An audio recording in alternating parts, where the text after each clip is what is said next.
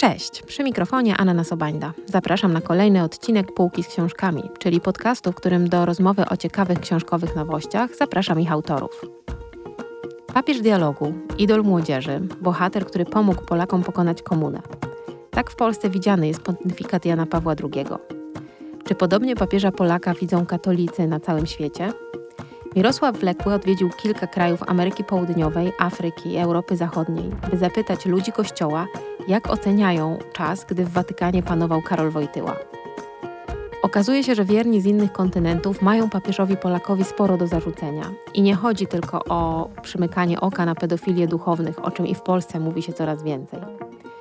O jakich zatem błędach mówią i jakie formują zarzuty? Zapraszam na rozmowę o tym, jak pontyfikat Jana Pawła II jest oceniany poza granicami naszego kraju.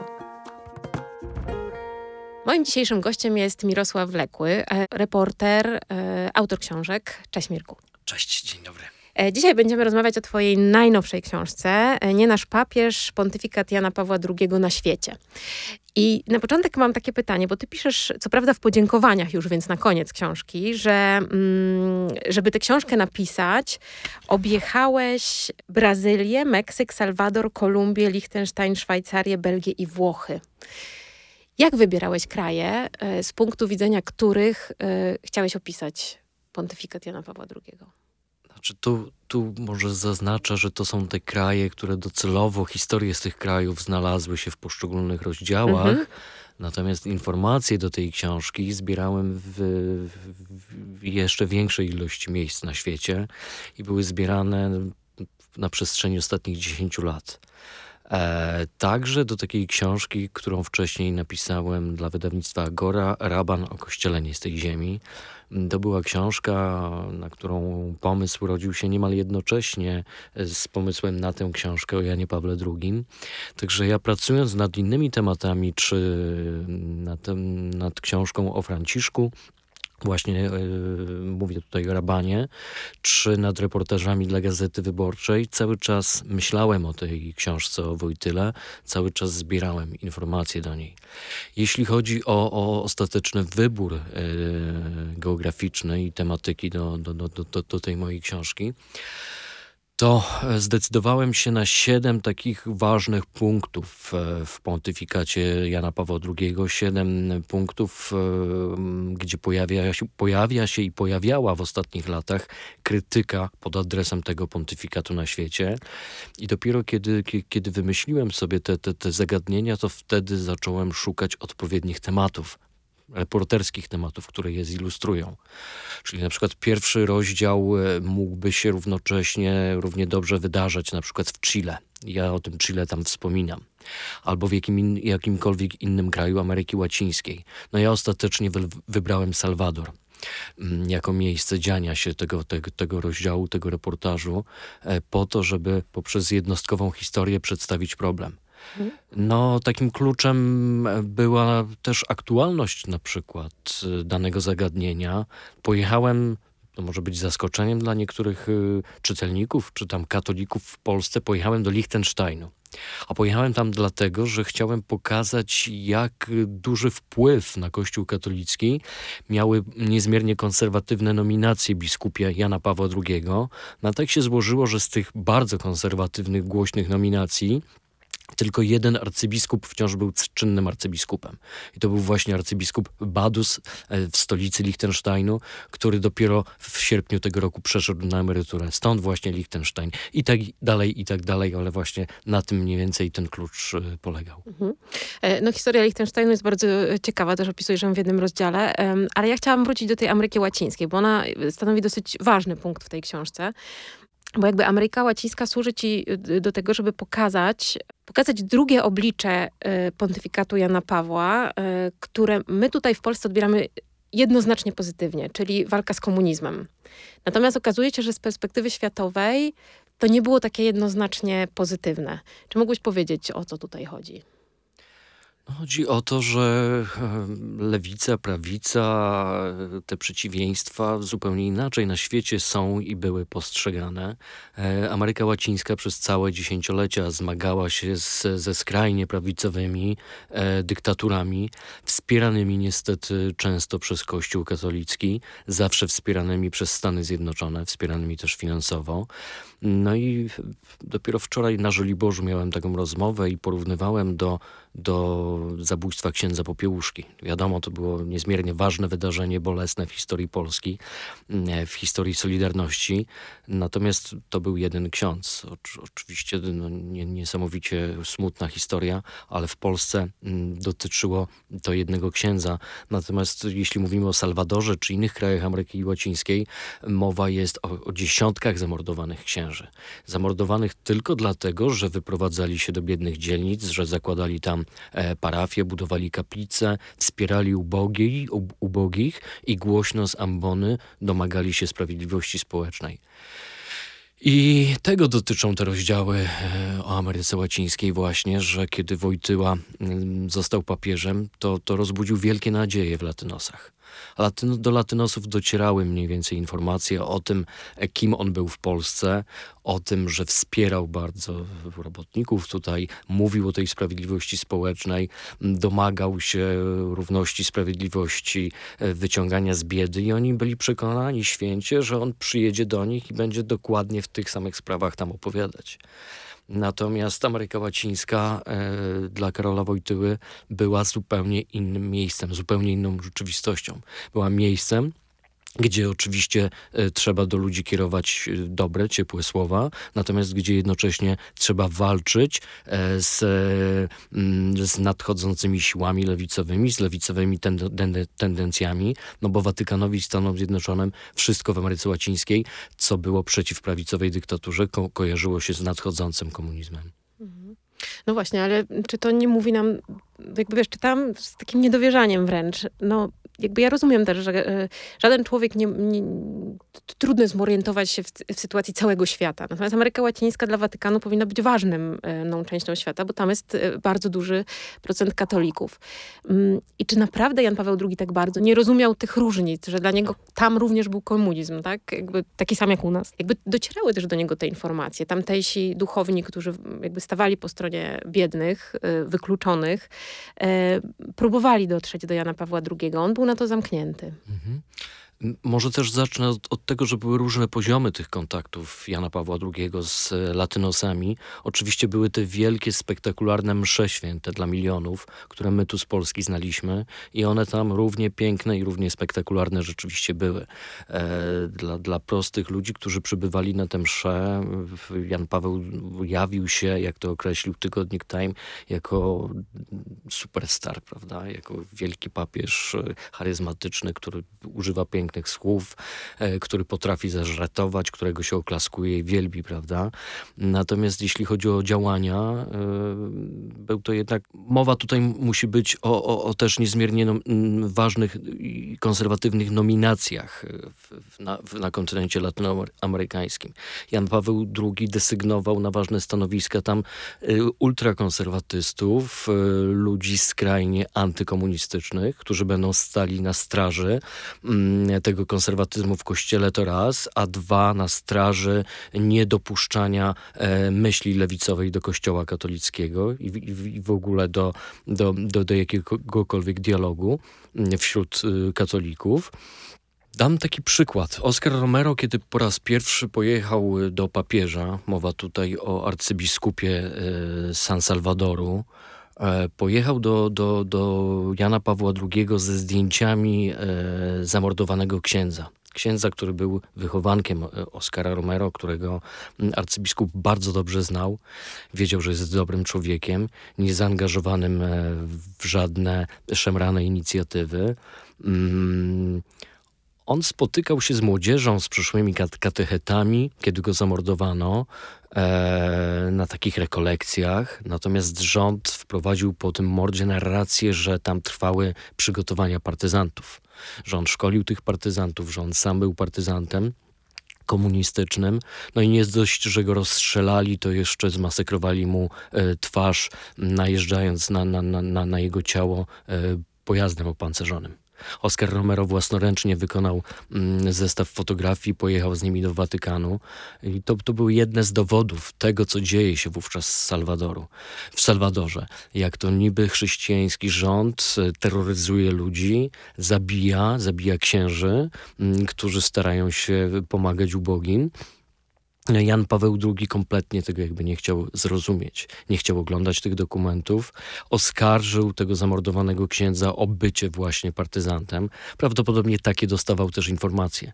I trzeba dodać, że Jan Paweł II otaczał się konserwatystami już w Watykanie od wczesnych lat, otaczał się ludźmi, którzy właśnie taką narrację w Watykanie wprowadzali, że e, ci biedni księża z peryferiów, ci, ci, ci, ci, ci opiekujący się biedotą, to są propagatorzy myśli komunistycznej, to są marksiści, no i należy ich się obawiać.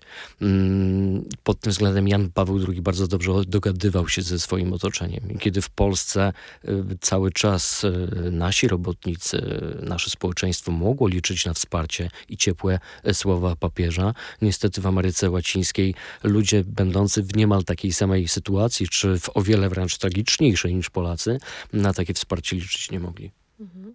Czy możemy powiedzieć w związku z tym, że ten pontyfikat był taki europocentryczny? Znaczy, że papież myślał i działał mając na uwadze głównie to, co dzieje się w Europie, a może bardziej w Polsce? Może trzeba by powiedzieć wschodnio-eurocentryczny, mhm. bo, bo, bo zachód Europy też był miejscem, z którym Jan Paweł II wyjątkowo się nie rozumiał. Mhm. I zachód Europy nie, nie rozumiał Jana Pawła II.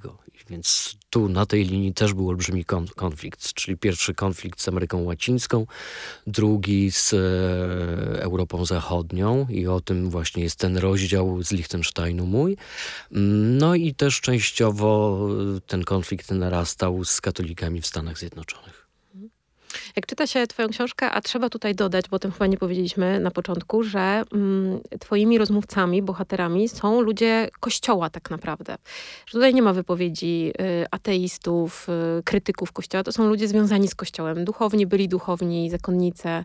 Jakby mm, ludzie, którym na kościele zależy też, wydaje mi się, że z każdej rozmowy to wybrzmiewa. Tak, moim zdaniem byłoby pójściem na łatwiznę e, przepytanie grupy antyklerykałów na świecie, którzy by jednoznacznie stwierdzili, że Jan Paweł II był złym człowiekiem. Nie o to mi chodziło w tej książce. Właściwie wszyscy moi rozmówcy bardzo cenią Jana Pawła II, wyrażają się o nim w ciepłych słowach, a jednocześnie pozwalają sobie na konstruktywną krytykę. Więc mhm. jest to taka krytyka w niektórych z tych krajów, z tych miejsc na świecie wyrażana od dziesięcioleci wręcz, e, niektóra narastała w ostatnich latach, e, dopiero z perspektywy czasu, ale rzeczywiście są to ludzie tacy jak księża, zakonnice, biskupi, e, świeccy, bardzo zaangażowani w życie religijne, wszyscy bardzo religijni, osoby, którym bardzo na kościele katolickim wciąż zależy. Mhm. Wspomniałeś o tych o tych nominacjach e, biskupich, których dokonywał papież. Tam w twojej książce też w tym momencie pada takie stwierdzenie, że e, jest taka opinia, że papież nie miał ręki do ludzi, że stawiał na e, niewłaściwe osoby. Mm, no i ty faktycznie opisujesz paru takich bliskich współpracowników Jana Pawła II. I czy to faktycznie było tak, że takim głównym kryterium był konserwatyzm w poglądach i patrzeniu na Kościół oraz lojalność wobec Watykanu i zupełnie nie przeszkadzało papieżowi to, co na temat temat tych ludzi było wiadomo, jeśli chodzi na przykład o ich życie. Co do pierwszej części Twojej wypowiedzi, właściwie nie ma wątpliwości. Wszyscy komentatorzy katolicy na świecie tak uważają, że, że, że, że to były priorytety podporządkowanie papieżowi, podporządkowanie dogmatom, e, nie wychylanie się poza te dogmaty, nie dyskutowanie na, na, na temat dogmatów i tradycji Kościoła. E, natomiast druga część wypowiedzi możemy się tylko zastanawiać. Ja nie sądzę, że papieżowi w ogóle nie przeszkadzało, że osoby przez, jego, przez niego nominowane są na przykład pedofilami albo złodziejami, prawda? To były rzeczy jakieś takie poboczne, być może które częściowo do niego nie docierały, albo do pewnego momentu do niego nie docierały, albo w które on nie wierzył. Mowa tu na przykład o arcybiskupie McCarthy ze Stanów Zjednoczonych, o Marcial, Marcialu który występuje na kartach mojej książki Notorycznym gwałcicielu i narkomanie. E, informacje od dziesięcioleci płynęły do Watykanu i naprawdę trudno uwierzyć, że Jan Paweł II o tym nie wiedział. Także ta kwestia jest bardzo złożona i moim zdaniem jedyną osobą, która odpowiedziałaby ci to, na, na, odpowiedziałaby ci na to pytanie, żyjącą jest e, kardynał Stanisław Dziwisz on jedyny w tej chwili wie, co, o czym Jan Paweł wiedział, o czym nie wiedział, co kardynał Dziwisz i inni współpracownicy papieża zatajali przed nim. Być może niektóre informacje, które mm, dla nas są dziś oczywiste, e, do końca życia były zatajane przed Janem Pawłem II. Ja tego nie wykluczam. Kardynał Dziwisz mógłby to nam opowiedzieć, niestety nie chce. Kardynałowi Dziwiszowi też poświęcasz e, jakąś część w swojej książce. Opisujesz też to, jaka była jego rola, naprawdę bardzo duża w pontyfikacie Jana Pawła II, zaskakująco duża. Ale powiedz, czy Twoim zdaniem e, faktycznie ten mur wokół Jana Pawła II, ten mur dotyczący informacji, e, był tak duży? Czy, czy, czy one w ogóle do papieża nie docierały? Czy papież nie chciał ich słuchać? Było mu łatwiej po prostu żyć w takiej niewiedzy? Zacznijmy od tego, że sam ten mur zbudował. Sam otoczył się właśnie takimi konserwatystami, którzy będą działać po jego myśli, którzy myślą podobnie jak on. E, tych myślących inaczej e, notorycznie wycinał. No taka sytuacja na przykład była w tym Liechtensteinie i w sąsiedniej Szwajcarii. E, to były takie kościoły katolickie lokalne, które rzeczywiście szły w awangardzie zmian w katolicyzmie wówczas w Europie w latach 70., 80. Tam głośno dyskutowano na przykład o roli kobiet, a nawet o kapłaństwie kobiet w przyszłości. E, nikt nie bał się o tym dyskutować. Mówiono o tym, nawet jeśli to nie miałoby być wcielone w życie tak natychmiast. Natomiast to były takie kwestie, które, których Jan Paweł II w ogóle nie dopuszczał. Nie, do, nie dopuszczał dyskusji o wzmacnianiu ro, roli kobiet w kościele, nie dopuszczał dyskusji o dopuszczeniu antykoncepcji nienaturalnej, czyli nic poza kalendarzykiem nie było tolerowane w czasach Jana Pawła II i tak dalej, i tak dalej. No więc on najpierw ten, ten mur wokół siebie zbudował, bardzo szczelny, no a potem myślę, że już troszeczkę stracił nad tym wszystkim kontrolę, bo, bo osoby spoza tego muru, osoby spoza towarzystwa wręcz miały do Jana Pawła II utrudniony dostęp. Najlepszym tutaj przykładem jest właśnie Oscar Romero z Salwadoru, który musiał bardzo długo dobijać się, żeby, żeby zaledwie dwa razy z Janem Pawłem II się zobaczyć i to tylko na chwilę, e, a przez tę chwilę nie zdążył nawet wyłuszczyć problematyki, z jaką zmagał się wówczas jego kraj. Mhm.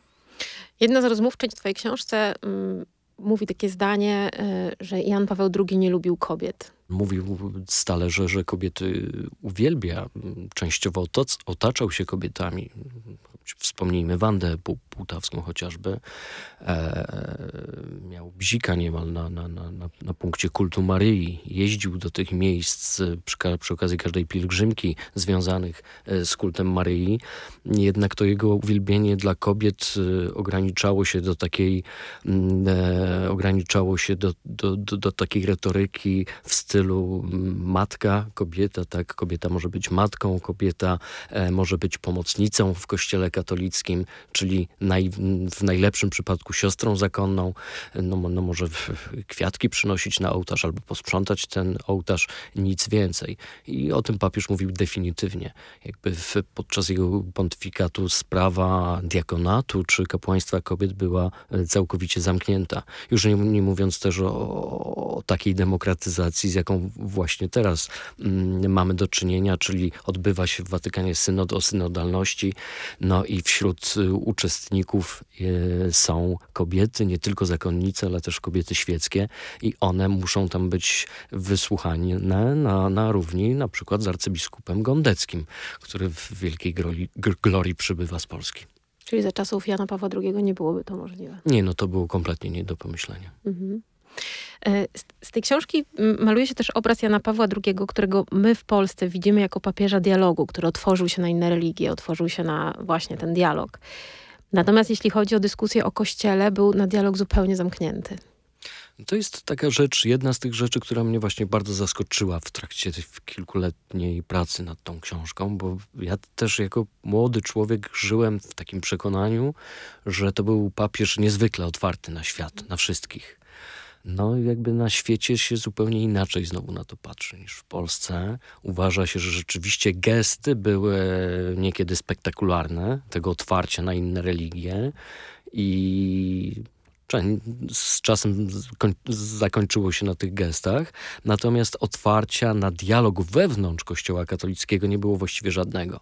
I świadczą o tym e, no, srogie kary, które spadały na teologów, którzy e, odważali się myśleć nieco inaczej, odważali się podważać, zadawać pytania. Takich kar w trakcie wcześniejszych pontyfikatów nie było niemal wcale. E, w, w trakcie pontyfikatu papieża Polaka był wysyp tych kar. E, właśnie te, te, te notoryczne wymiany biskupów e, mniej konserwatywnych na bardzo konserwatywnych. No i na świecie właśnie ocenia się, że, że z Janem Pawłem II o kościele katolickim dyskusji właściwie nie było żadnej. Co on powiedział, musiało być realizowane. To też zaskakuje, czytając tę książkę, jak bardzo Watykan w tamtym czasie był skuteczny w tropieniu właśnie tych ludzi y, wewnątrz kościoła, którzy myśleli inaczej, którzy mieli jakąś inną wizję i nie bali się o tym mówić. E, oni byli tropieni, byli karani, e, byli uciszani skutecznie. Mm, natomiast, no jak wiemy, y, z prawdziwymi przestępstwami y, nie radzono sobie niemalże wcale. No nie, kompletnie sobie nie radzono. To, to z czasem wynika teraz. No, śledztwo zlecone przez papieża Franciszka wykazało, że Jan Paweł II wiedział o przestępstwach seksualnych kardynała McCarricka e, w Stanach Zjednoczonych. Wiadomo już, że wiedział o Marcialu Macielu. E, też w samolocie Franciszek się wygadał, że, że, że, że, że jakby celowo e, skandal był uciszany w Watykanie w, w trakcie pontyfikatu Jana Pawła II. No i wychodzą kolejne i kolejne rzeczy. Z czasem myślę, że, że świat, y, a, a tym bardziej ci naj, najzagorzalsi e, krytycy, e, zaczną niemal wszystkie winy e, ówczesnego kościoła katolickiego zrzucać na Jana Pawła II. No i to powtórzę jeszcze raz, że uchronić go od tego mógłby go w tej chwili jedynie kardynał Dziwisz, który mógłby oczywiście przyjść tu do ciebie na przykład do studia z, z olbrzymią teczką materiałów i powiedzieć powiedzieć, proszę bardzo, tę, tę, tę i tę sprawę ukrywałem aż do śmierci Jana Pawła II, zostawcie go w spokoju, nie on tutaj jest winny. Natomiast no, takie słowa z ust y, kardynała Dziwisza nie padają, w związku z tym chyba należy jednak y, wszelkimi winami obarczać też papieża. Mhm. No myślę, że raczej nie mamy szans na to, że one kiedykolwiek padną faktycznie. E, ciekawym jest też wątek, który opisujesz e, relikwii Jana Pawła II, którymi e, tutaj, jak rozumiem, to głównie kardynał Dziwisz dysponuje. No tak, tak. To, to, też taka sprawa, o której nigdy jakoś nie myślałem, aż trafiłem do Watykanu i tam ja w ogóle nie wiedziałam o tym, że te, te relikwie są tak powszechnie dys, dystrybuowane. Tak, tak, że w trakcie zabiegów, kiedy papież już był schorowany, no pobierana była krew, no i, i kardynał Dziwisz no, zadbał o to, żeby, żeby ta krew była skrzętnie przechowywana, magazynowana, no i po śmierci Jana Pawła II była oczywiście za, za sowite datki e, rozdawana do, do, do, do, do w parafii, nie tylko w Polsce, ale i, i na świecie. Te relikwie po Janie Pawle II zresztą zaczęły krążyć po świecie, to nie tylko była krew, ale włosy jego, no, przeróżne przedmioty z nimi związane. Aż wreszcie do, doszło do takiego, moim zdaniem, punktu kulminacyjnego tej historii, kiedy e, kolekcja relikwii pojechała do Buenos Aires.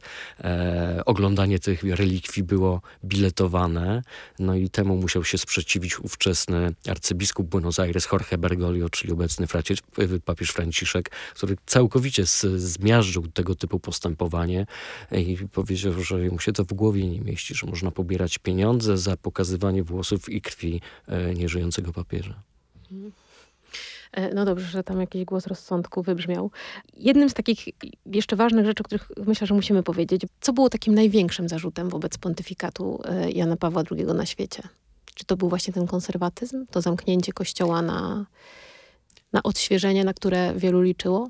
Wiesz co, to chyba, to chyba zależy skąd y, te zarzuty padają w jednej części świata i jedno zagadnienie mogło, może być większym zarzutem, w innej części świata zupełnie inne. I to właśnie było bardzo zróżnicowane geograficznie. Ja też poruszam temat y, antykoncepcji, prezerwatyw w mojej książce no tak, i, i pośredniego Afryka. Mhm. wpływu Watykanu i papieża na miliony ofiar epidemii AIDS w Afryce. Oczywiście to był wpływ pośredni, ale niewątpliwie był, ponieważ nigdy w historii nowożytnego papiestwa nie było takiego naporu e, na mówienie, na zabranianie ludziom używania tych prezerwatyw. I to właśnie w czasach tej straszliwej pandemii. W Afryce na AIDS zginęło 15, zmarło 15 milionów mm, osób. Także dziś y, mieszkańcy Afryki mo, może wymieniliby to na przykład. I rzeczywiście bohaterką jednego z rozdziałów jest teolożka z Zimbabwe i ona oczywiście przede wszystkim e, o tym mówi. To jest e, kluczowy moment w pontyfikatu Jana Pawła II. No i tam tłem jest też po raz kolejny niezrozumienie e, specyfiki. Znowu niezrozumienie. No, no, tak, i znowu, znowu pojawiali się biskupi, arcybiskupi na świecie, którzy mówili, próbowali przekonywać Jana Pawła II, no ale zaraz, życie ludzkie jest ważniejsze od, od naszego wewnętrznego, watykańskiego przepisu zabraniającego używania prezerwatyw. Tym bardziej, że o, o mały włos, a ta antykoncepcja w latach 70. zostałaby dopuszczona w czasach Pawła VI. Zdecydowana większość doradców Pawła VI radziła mu dopuszczenie e, sztucznej antykoncepcji. Także to, to wynikało tylko i wyłącznie z przepisu kościelnego, no a na szali postawiono życie milionów ludzi, którzy ginęli. A to wynika z rozmów moich z kobietami właśnie w, w Afryce, z, z, z ich relacjami, że no, było to takie miejsce, gdzie jak nigdzie słuchano y, nauk papieskich. Jeśli przyjeżdżał arcybiskup z Watykanu i grzmiał na ambonie, żeby tych prezerwatyw nie używać, to w Afryce rzeczywiście ich nie używano. Jakby teraz zaczyna po, po, po czasie to do, do osób w, w, krajach afrykańskich docierać. E, jak, jak, jak, jak wielki wpływ to nauczanie o seksualności na ten kontynent, kontynent mm, miało. No i oczywiście, jeśli, jeśli pojedziemy teraz do Euro, Europy Zachodniej, no to zupełnie inne aspekty tego pontyfikatu będą tutaj kluczowe, czyli pewnie te, te, te takie konserwatywne nominacje, które jak opowiadają moi rozmówcy w, w zachodnich kościołach, e, bardzo przyspieszyły sekularyzację kościoła katolickiego na zachodzie. No w tym Liechtensteinie chociażby, to, to, to, to jest kraj, gdzie kościoły były e, pełne, pękały w szwach w latach 80. i oczywiście już wtedy sekularyzacja postępowała. Natomiast y, po zmianach wprowadzonych w tamtejszym kościele przez Jana Pawła II e, te kościoły opustoszały niemal natychmiast. Dziś y, księża odprawiają tam msze dla, dla, dla samych sobie. Jeśli pozostali jacyś katolicy są jeszcze, no to, to często nie chodzą do kościoła, e, bo, bo nie są w stanie uczestniczyć w mszach prowadzonych przez tych konserwatystów e, obsadzonych też w parafiach przez wspomnianego arcybiskupa Wolfganga Hasa. No i oczywiście opowiadaliśmy też o wpływie na Amerykę Łacińską, więc dla latynosów e, tą największą winą też będzie zupełnie inne zagadnienie. Także to tak jak mówię, bardzo geograficznie się rozkłada. A Amerykanie? Bo y, ty piszesz też o takim dosyć dużym sojuszu y, papieża z rządem y, amerykańskim w czasach zimnej wojny, walki z komunizmem. później to się zmieniło. Y, jak dziś w Ameryce oceniany jest pontyfikat Jana Pawła? Właśnie, to jest ciekawe, bo wielu ekspertów na świecie widzi wielką różnicę w podejściu Jana Pawła II do Stanów Zjednoczonych, to znaczy był całkowicie pobłażliwy wobec e, rządu tego kraju, wobec tamtejszego kościoła i katolików, dopóki trwała walka z komunizmem. E, był uległy, e, był w stanie nie, nie krytykować zaostrzenia się zimnej wojny prowadzonej przez Ronalda Reagana. Natomiast od lat 90. Jan Paweł II zaczął z Amerykanów amerykański kapitalizm, jego zdaniem bezduszny, no coraz śmielej krytykować, coraz śmielej krytykował tę zgniliznę Zachodu, wyuzdanie zachodniego świata. No i ten, e, ci katolicy w Amerykanie, ci, ci katolicy w Stanach Zjednoczonych najwyraźniej padli e, tej papieskiej krytyki ofiarą. Skończył się wspólny wróg, e, skończył się sojusz. Tak, tak skończył się sojusz, rozpoczęła się krytyka. Zresztą, no, jeśli wczytać się w, w, w przemówienia papieża, który przyjeżdżał do Polski mm, już wolnej, demokratycznej, no to myślę, że, że, że niektórzy E, nie wierzyli własnym uszom, no bo papież e, bardzo szybko zmienił narrację. W swoich wystąpieniach miał wiele takich wypowiedzi antykapitalistycznych, wręcz gdzieś tam nawiązujących do socjalizmu, pochwalających socjalizm. No, takich rzeczy, które chcieliby słyszeć ludzie w latach 80. w Ameryce Łacińskiej, a ich niestety często nie słyszeli. Z wypowiedzi twoich rozmówców wynika też taka krytyka takiego aspektu pontyfikatu Jana Pawła II, że był on dosyć mocno skoncentrowany na cielesności i seksualności. E, od czego odchodzi teraz na przykład e, papież Fra e, Franciszek, który mówi, że tak, te grzechy ciała są, ale one są dużo mniej istotne niż inne ważne grzechy. Tym bardziej, tymczasem dla Jana Pawła II można odnieść wrażenie, że to był jakiś kluczowy aspekt człowieczeństwa. No tak, komentatorzy znowu tutaj, tutaj na świecie mówią o wręcz obsesji na tym mhm. punkcie. Jan Paweł II często zabierał na ten temat głos, groził palcem, przestrzegał, upominał, e, straszył e, wiecznym potępieniem e, i rzeczywiście tego już, już teraz nie ma, od tego się odchodzi. No, tak jak mówiłem, e, wielka panika, wielki strach i wiele przestróg padało w tamtych czasach pod adresem e, prezerwatyw, w ogóle antykoncepcji. Straszono ludzi, że, że w związku z tym nie pójdą do nieba. E, no kiedy przypomnę, chwilę wcześniej w trakcie pontyfikatu, Jana Pawła, pontyfikatu Pawła VI rozstrzygała się ta sprawa i niewiele brakowało, by przepisy kościelne po prostu te prezerwatywy mm, dopuściły. Jan Paweł II w ogóle nie chciał słyszeć o jakiejkolwiek liberalizacji pod tym względem. E, uważał siebie za taką osobę idealną, za wzór czystości i chciał, żeby wszyscy byli na świecie wszyscy katolicy byli równie czyści jak on, to znaczy, żeby seks e, miał tylko cele prokreacyjne, e, żeby oczywiście był realizowany tylko w ramach e, małżeństw i jakiekolwiek odstępstwa mm, od tych reguł były dla Jana Pawła II zupełnie nie, nie do pomyślenia tym trudniej zaakceptować to, jakimi ludźmi się otaczał. Ludźmi, którzy mieli na sumieniu poważne grzechy i przestępstwa, o których piszesz w książce, o tym już może nie będziemy się rozwodzić. To na koniec chciałam cię zapytać, mm, Jan Paweł II był właśnie takim w Polsce, ale też pewnie w wielu krajach świata takim idolem, często też młodych ludzi. E, jeden z twoich rozmówców, watykanista, mówi coś takiego. Mm, ogromna popularność Jana Pawła II, jego dar przyciągania tłumów nie oznaczają, że ludzie słuchają tego, co mówi, a tym bardziej, że są mu posłuszni. Lubią śpiewaka, a nie jego pieśni. To znaczy, że to oderwanie od rzeczywistości sprawiało, że to, co mówił Jan Paweł II, nie do końca docierało do ludzi. Nie chcieli go słuchać? No tak, tak, choćby z, to, z tym nauczy, nauczaniem o seksualności. Tak jak mówiłem, katolicy w Afryce słuchali na przykład, no ale w Europie Zachodniej czy w Stanach Zjednoczonych zupełnie nie słuchali. To znaczy tłumy rzeczywiście pojawiały się na papieskich mszach, okla, oklaskiwały, e, natomiast później po pomszy część z tych tłumów szła do apteki kupić prezerwatywy na przykład. I, to, to, to był taki aspekt e, ich e, religijności w ogóle nieistotny. I to samo się teraz po latach pojawia na przykład w rozważaniach Afrykanek, bardzo religijnych Afrykanek, które pojawiają się na kartach moich książ mojej książki, które stają przed takim dylematem, co robić, no ale twierdzą, ok, e, antykoncepcja jest nam potrzebna, bez niej nie przeżyjemy, bez niej nie damy dłużej rady wychowywać e, tych kilkunastu swoich dzieci. Wciąż jest problem z, z przeróżnymi epidemiami, z, z, ze służbą zdrowia w Afryce. No i antykoncepcja jest nam niezbędna, mimo że wciąż uważamy się za religijne katoliczki. Mhm. No, podobne rzeczy słyszałam o Irlandii. E, gościnią moją dwa odcinki temu była Marta Abramowicz, która pisała o Irlandii, która wstaje z kolan. I tam to była podobna reakcja i bunt na to właśnie, co Kościół narzucił społeczeństwu.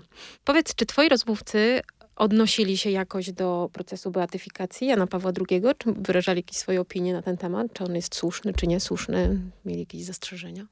No, co najciekawsze, zastrzeżenia miały osoby bardzo, bardzo bliskie Janowi Pawłowi II, choćby kardynał Angelo Sodano, czyli osoba numer dwa e, w Kościele katolickim w trakcie tego pontyfikatu, e, który odmówił e, zeznawania w trakcie procesu beatyfikacyjnego, uważając, że jest zbyt y, błyskawiczny, że nie tak się powinno proces beatyfikacyjny przeprowadzać.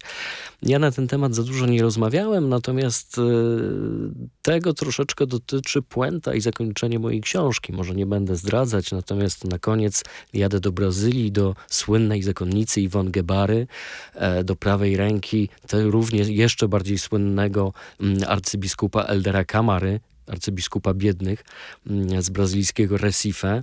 No i właśnie rusza jego proces. On ma zostać wkrótce ogłoszony błogosławionym.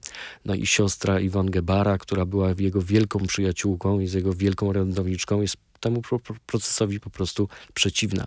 Uważa, że to, do, że, że to tylko źle zrobi pamięci o nim.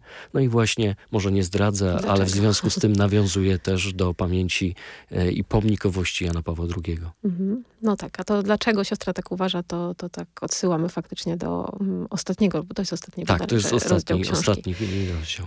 E, dobrze, powiedz jeszcze na koniec, dla kogo jest ta książka? Bo ty powiedziałeś gdzieś, że rzeczy, które w niej zawarłeś, dla świata nie są niczym nowym, natomiast e, dla Polaków już tak. Czyli to jest książka znaczy, skierowana głównie tak, do Polaków. O, oczywiście nie, nie, wiem, czy taki zbiór y, powstał, natomiast y, zarzuty, które pojawiają się na kartach mojej książki są wszędzie gdzieś tam lokalnie od iluś lat, jeśli nie od dziesięcioleci znane.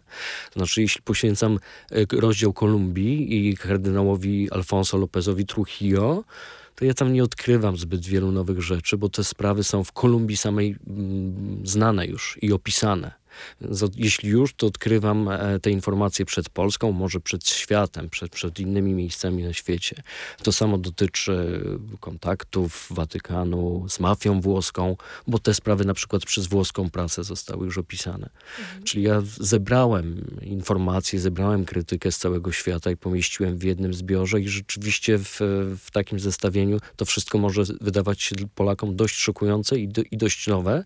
Natomiast ja myślę, że to nie zaskoczy jakichś takich czołowych publicystów katolickich w Polsce, jak na przykład Tomasz Terlikowski, e, którzy interesują się odbiorem Jana Pawła II na świecie i doskonale sobie z tego wszystkiego sprawę zdają, co ja tu opisałem. Mhm. Ja bym jeszcze dodała, że to jest książka chyba dla katolików głównie, w sensie dla osób, których, jakby, dla których Kościół jest ważny.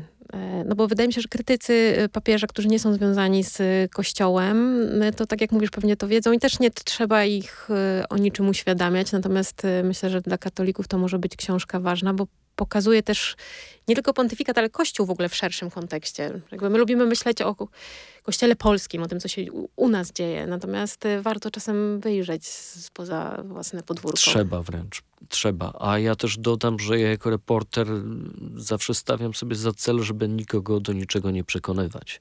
Ja nie zamierzam w tej książce przekonywać, że Jan Paweł II był zły, albo że był dobry, e, bronić go albo atakować. Ja staram się tu podawać czyste fakty i opowiedzieć o tym, co myślą katolicy o tym pontyfikacie na świecie. E, no właśnie, w związku z czym słuchacze, którzy chcieliby e, przekonać się, co myślą, e, jak ten pontyfikat jest oceniany z perspektywy szerszej niż nasze polskie podwórko, odsyłamy do książki Nie nasz papież, pontyfikat Jana Pawła II na świecie. Książka już jest w księgarniach. Dziękuję Ci bardzo za dzisiejszą rozmowę. Dziękuję Ci bardzo również. Słuchaczom dziękujemy za uwagę. To był kolejny odcinek Półki z książkami. Przy mikrofonie Anna Sobańda. Zapraszam za tydzień.